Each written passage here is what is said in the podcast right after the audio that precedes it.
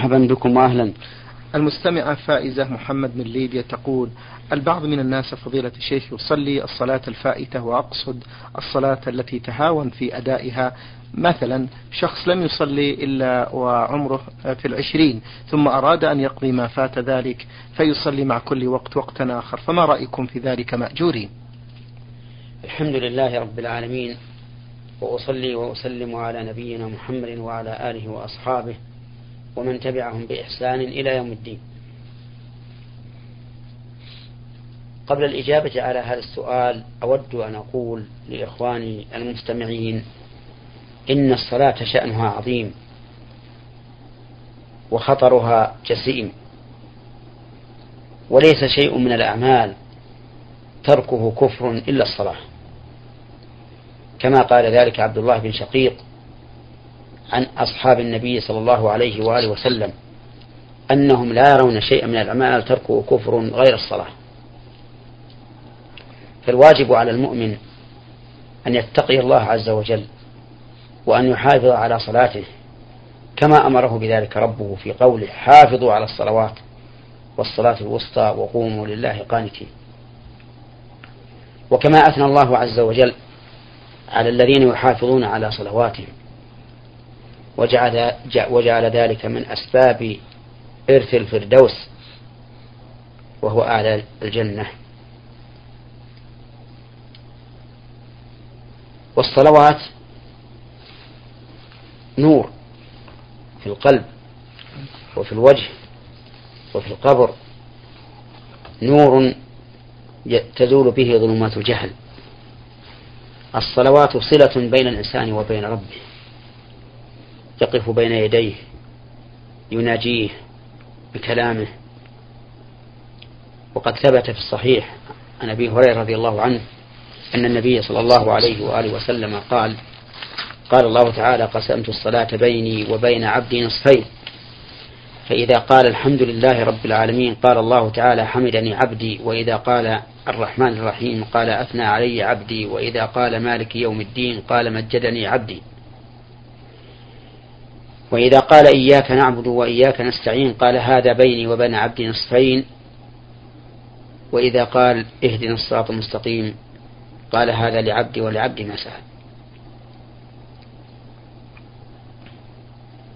فلا يليق بالمؤمن أن يضيع هذه الفرصة العظيمة أن يضيع مناجاة الله سبحانه وتعالى بالسهو واللهو. ولا شك أن الإنسان الذي يعرف ما للصلاة من قيمة في الإسلام وما لها من ثواب وأجر عند الله عز وجل أنه لا يضيع هذه الصلاة أبدا. ولهذا كانت إضاعتها وتركها كفرا مخرجا عن الملة على القول الراجح من أقوال أهل العلم. دليله من الكتاب والسنة. وأقوال الصحابة والنظر الصحيح. أما الكتاب فقد قال الله تعالى في المشركين فإن تابوا وأقاموا الصلاة وآتوا الزكاة فإخوانكم في الدين. فجعل الله تعالى شرط كونهم إخوة لنا في الدين أن يتوبوا من الشرك وأن يقيموا الصلاة وأن يؤتوا الزكاة فإذا تخلف المشروط كلا أو بعضا فإن فإذا تخلف الشرط فإذا تخلف الشرط كلا أو بعضا فإن المشروط لا يتم. ولا يمكن أن تنتفي الأخوة الإيمانية إلا بالخروج عن الإيمان كلية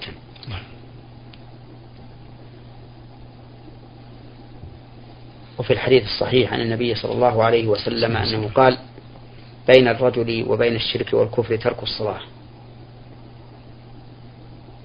وروى عنه أصحاب السنن أنه قال صلى الله عليه وسلم العهد الذي بيننا وبينهم أي بين المشركين والكافرين الصلاة فمن تركها فقد كفر.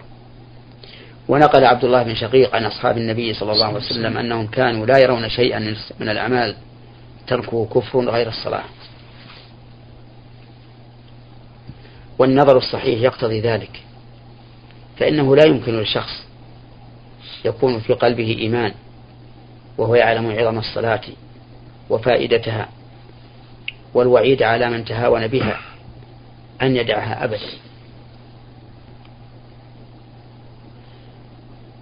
ومن هنا يتبين لنا الجواب أي جواب؟ السؤال الذي أوردتموه. نعم. فنقول إن هذا الذي ترك الصلاة من حين بلغ إلى أن تم له عشرون سنة وهو يعلم وجوبها لا يقضيها لأنه في هذه المدة كافر والكافر لا يقضي ما فاته من الأعمال. لقول الله تعالى قل للذين كفروا إن ينتهوا يغفر لهم ما قد سلف. وإذا قدرنا أنه ليس بكافر لجهله وتهاونه أو اعتقاد أن ترك الصلاة ليس بكفر كما هو رأي لكثير من العلماء فإنه لا يقضيها أيضا على القول الراجح. وإن قضاها لم تقبل منه. لأن الله سبحانه وتعالى فرض الصلاة في أوقات معلومة. فقال جل وعلا إن الصلاة كانت على المؤمنين كتابا موقوتا. فإذا أخرها عن وقتها متعمدا بلا عذر فقد أتى بها على وجه لم يؤمر به فتكون مردودة عليه. لقول, لقول النبي صلى الله عليه وآله وسلم من عمل عملا ليس عليه أمرنا فهو رد.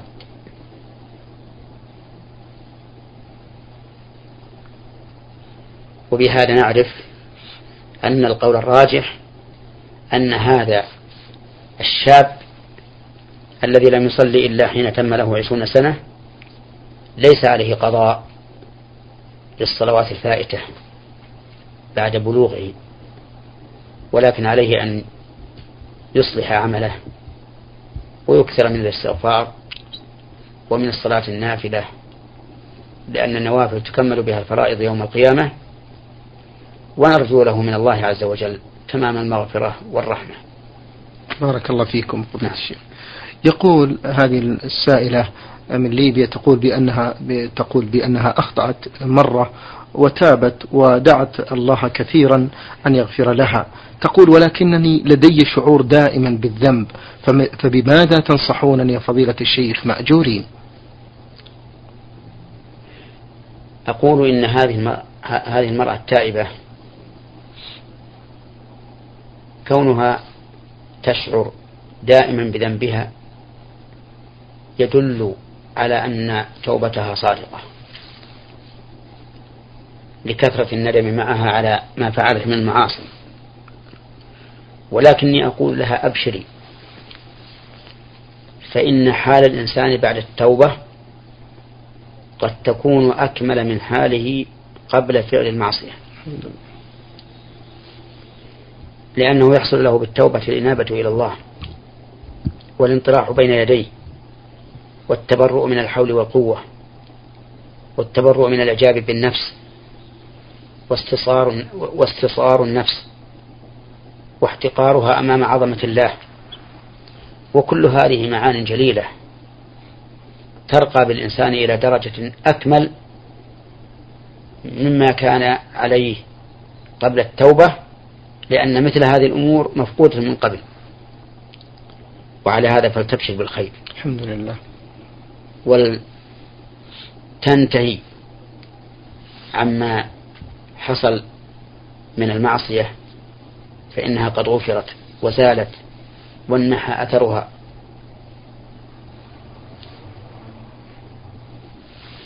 ولتتذكر ما جرى لآدم عليه الصلاة والسلام حيث نهاه الله عز وجل أن يأكل من الشجرة ولكنه خالف فعصى. قال الله تعالى وعصى آدم ربه فغوى ثم اجتباه ربه فتاب عليه وهدى. فلم يحصل الاجتباء إلا بعد أن تاب من المعصية. فاجتباه الله وتاب عليه وهداه. هداية علم وهداية توفيق.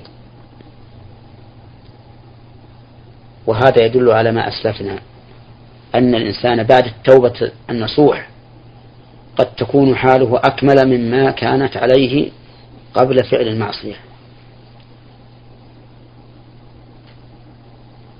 وإنني بهذه المناسبة أود أن أقول إن للتوبة شروطا لا بد منها. الشروط خمسة. الأول الإخلاص لله عز وجل بالتوبة بحيث لا يحمله على التوبة رجاء شيء من الدنيا أو خوف شيء في الدنيا. بل يكون الحامل له على التوبة رجاء ما عند الله من الثواب للتائبين.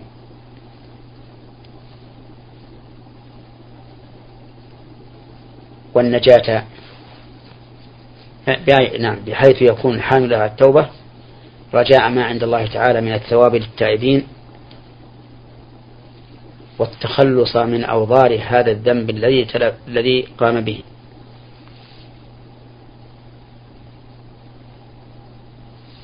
الشرط الثاني أن يندم على ما حصل من الذنب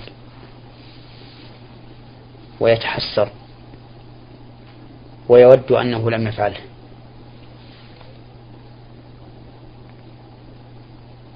الشرط الثالث أن يقلع عن المعصية.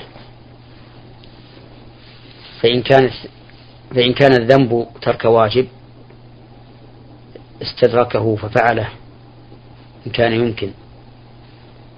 وإن كان الذنب فعل معصية أقلع عنها في الحال. ومن ذلك ما إذا كانت المعصية حقا لآدمي فإن الواجب عليه أن يبادر بالتخلص من هذا الحق. إن كان مالا رده إلى صاحبه إن كان حيا معلوما عنده وإن كان ميتا رده إلى ورثته وإن جهله ونسيه وإن جهله أو نسيه تصدق به عنه.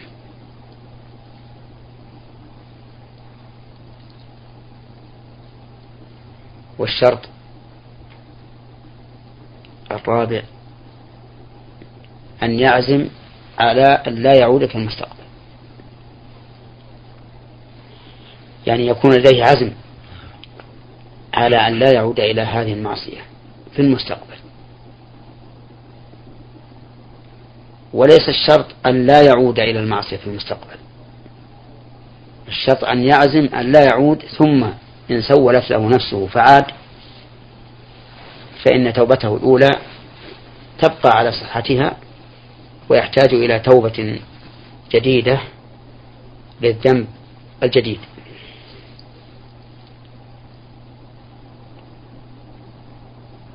الشرط الخامس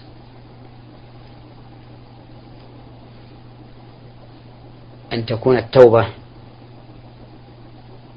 في الوقت الذي تقبل فيه التوبة. بأن تكون قبل حضور الأجل وقبل طلوع الشمس من مغربها. فإن كانت بعد حضور الأجل فإنها لا تقبل. لقول الله تعالى وليست التوبة للذين يعملون السيئات حتى إذا حضر أحدهم الموت قال إني تبت الآن. وفي الصحيح عن النبي صلى الله عليه وآله وسلم أنه قال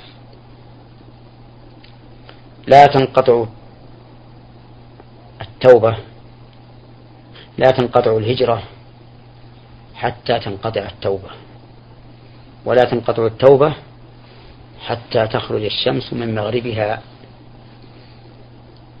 ويشهد لذلك قوله تعالى هل ينظرون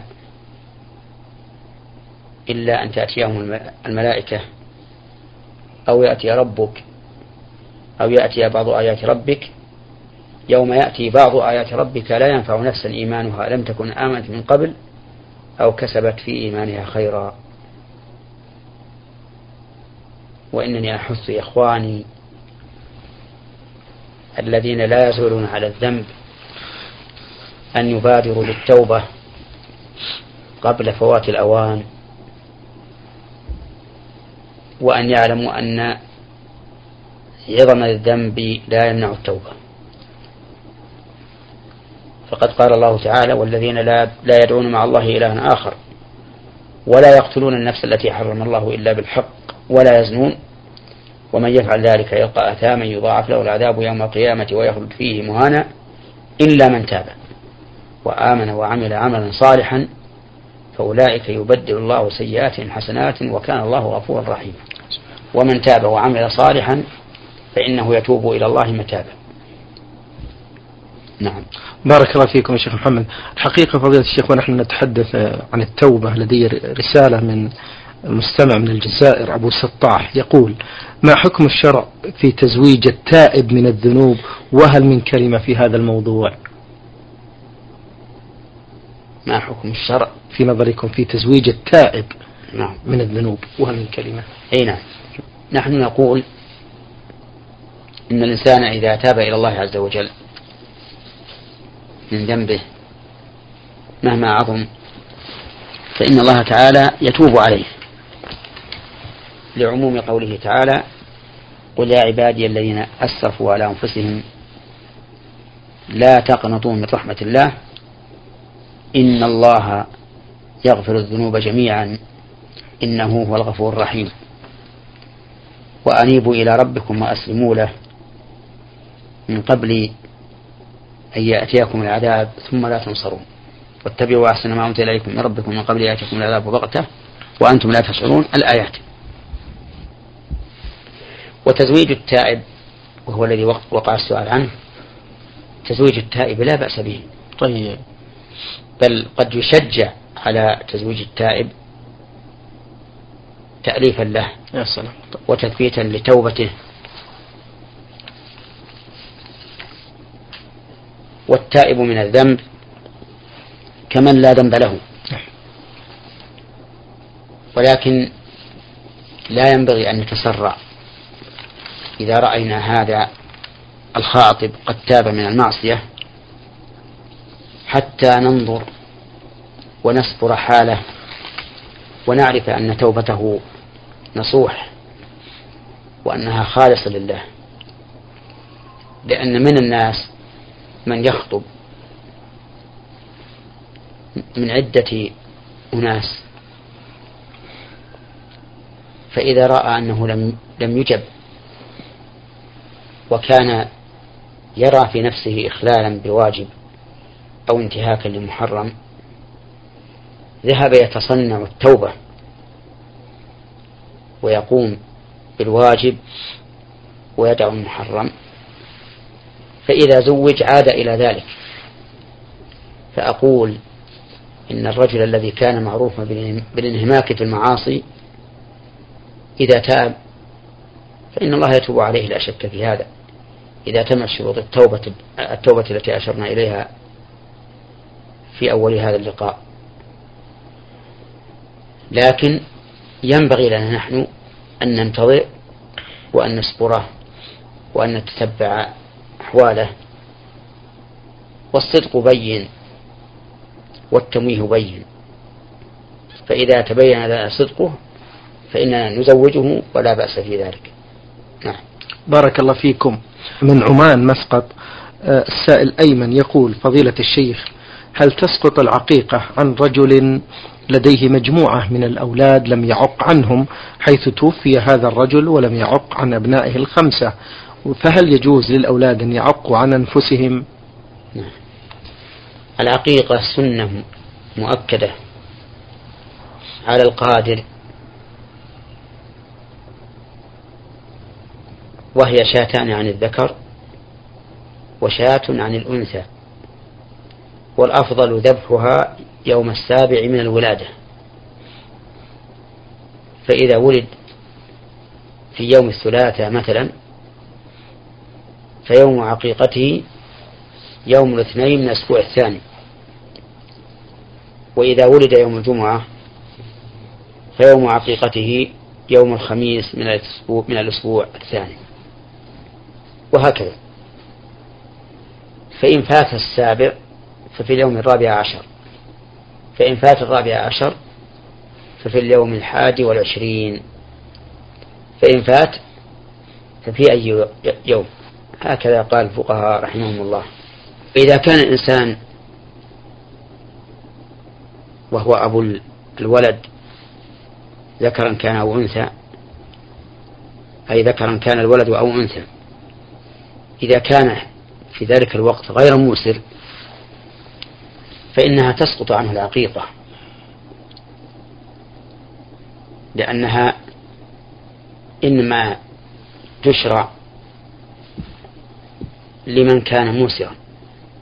أما الفقير فإنه لا يكلف بها وهو عاجز عنها لقول الله تعالى فاتقوا الله ما استطعتم وقوله لا يكلف الله نفسا إلا وسعها فهذا الرجل الذي قد مات وعنده أبناء لم يعق عنهم ننظر. إذا كان معسرا لم يتمكن من العق عنهم فإنها لا تقطع عنه لأنها ليست مشروعة في حقه. وإن كان موسرا ولكن ترك ذلك تهاونا فإن كان في التركة فإن كان في الورثة قوم قصر أي دون البلوغ أو عندهم تخلف في العقل فإنه لا يؤخذ من نصيبهم شيء لهذه العقيقة. وإن كانوا أي الورثة مرشدين وأحبوا أن يعقوا أن يعقوا من مال والدهم باتفاق الجميع فلا بأس. وإن لم يكن ذلك وأراد كل واحد منهم أن يعق عن نفسه نيابة عن أبيه أو قضاء عن أبيه فلا بأس. نعم. بارك الله فيكم. من جدة المستمع أبو زاهر يقول هل هذا حديث آه، حديث صوموا تصحوا؟ هل هذا حديث يا فضيلة الشيخ؟ أي نعم هو حديث لكنه ضعيف. طيب. نعم. فلا فلا عمل عليه. طيب. له سؤال آخر يقول نحن مجموعة من الشباب نلعب في ملعب مزروع زراعة طبيعية ولكنه يسقى من مياه المجاري. أعزكم الله وإخواني المستمعين بعد تكريرها. فهل علينا الاغتسال قبل الصلاة لأنه يحصل أن يسقط أحدنا على الزرع؟ وهكذا فأرجو إفادة بهذا. ليس عليكم الاغتسال يعني أن تصلوا ثيابكم أو أبدانكم من هذا الماء المكرر لأن هذا الماء المكرر قد زالت نجاسته بما أضيف إليه من المواد الكيماوية التي ذهبت بالنجاسة. والماء النجس يكون تطهيره بإضافة شيء إليه تزول يزول به أثر النجاسة من طعم أو لون أو ريح. بل قال العلماء إن الماء النجس إذا زال تغيره بنفسه صار طهورا. لكن بعض العلماء اشترط أن يكون كثيرا أي بالغا للقلتين. فإذا زال تغيره بنفسه وقد بلغ القلتين فهو طهور وإن كان دون القلتين فإنه لا يطهر إلا بإضافة ماء طهور كثير إليه. ولكن القول الراجح أنه متى زال تغير النجس الماء النجس بأي مزيل فإنه يكون طهورا. لا ينجس الثياب ولا الأبدان. نعم. بارك الله فيكم. من القصيم آه، أبو عبد الله يقول كيف يتصرف من أخذ بيتنا صبرة صبرة ولماذا سميت صبرة؟ الصبرة مأخوذة من الصبر وهو الحبس. نعم.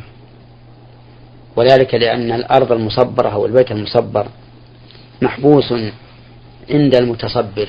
نعم. والمتصبر في عرف الناس كالمالك في تصرفه في رقبة الملك المتصبر. فتجده يحرث ويزرع ويطق المطاق للماء حفر الآبار للماء وإذا كان في أرض سكنية يبني عليها ويؤجرها ويتصرف تصرف الملاك نعم. ما دامت الصبرة باقية. بخلاف المستأجر. المستأجر لا يملك أن يتصرف فيما استأجره من بيت أو أرض. إلا على وفق الشروط التي تم عقد الإجارة عليها. نعم. بارك الله فيكم. هل يجوز للرجل أن يوزع ماله على ورثته وهي وهو حي حسب القسمة الشرعية؟ قال أهل العلم إنه يجوز للإنسان أن يقسم ماله بين ورثته على حسب الميراث الشرعي ولو كان حيا. ولكننا نرى أن لا يفعل ذلك. وذلك لأن الأمور قد تخلف. فهو الآن يعتقد أنه في غنى عن هذا المال وربما يطرأ عليه حاجة توجب أن يكون لديه مال. وكم من إنسان يفعل ذلك أي يقسم ماله بين ورثته ثم يطلع عليه حاجات يتمنى أن ماله بيده. ولكن قد فات الأوان.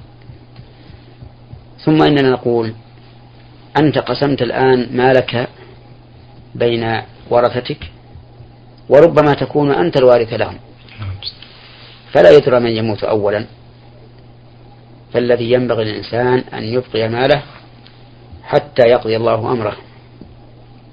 فإذا مات وزعت التركة على حسب ما تقتضيه الشريعة. شكر الله لكم من فضيلة الشيخ وبارك الله فيكم وفي علم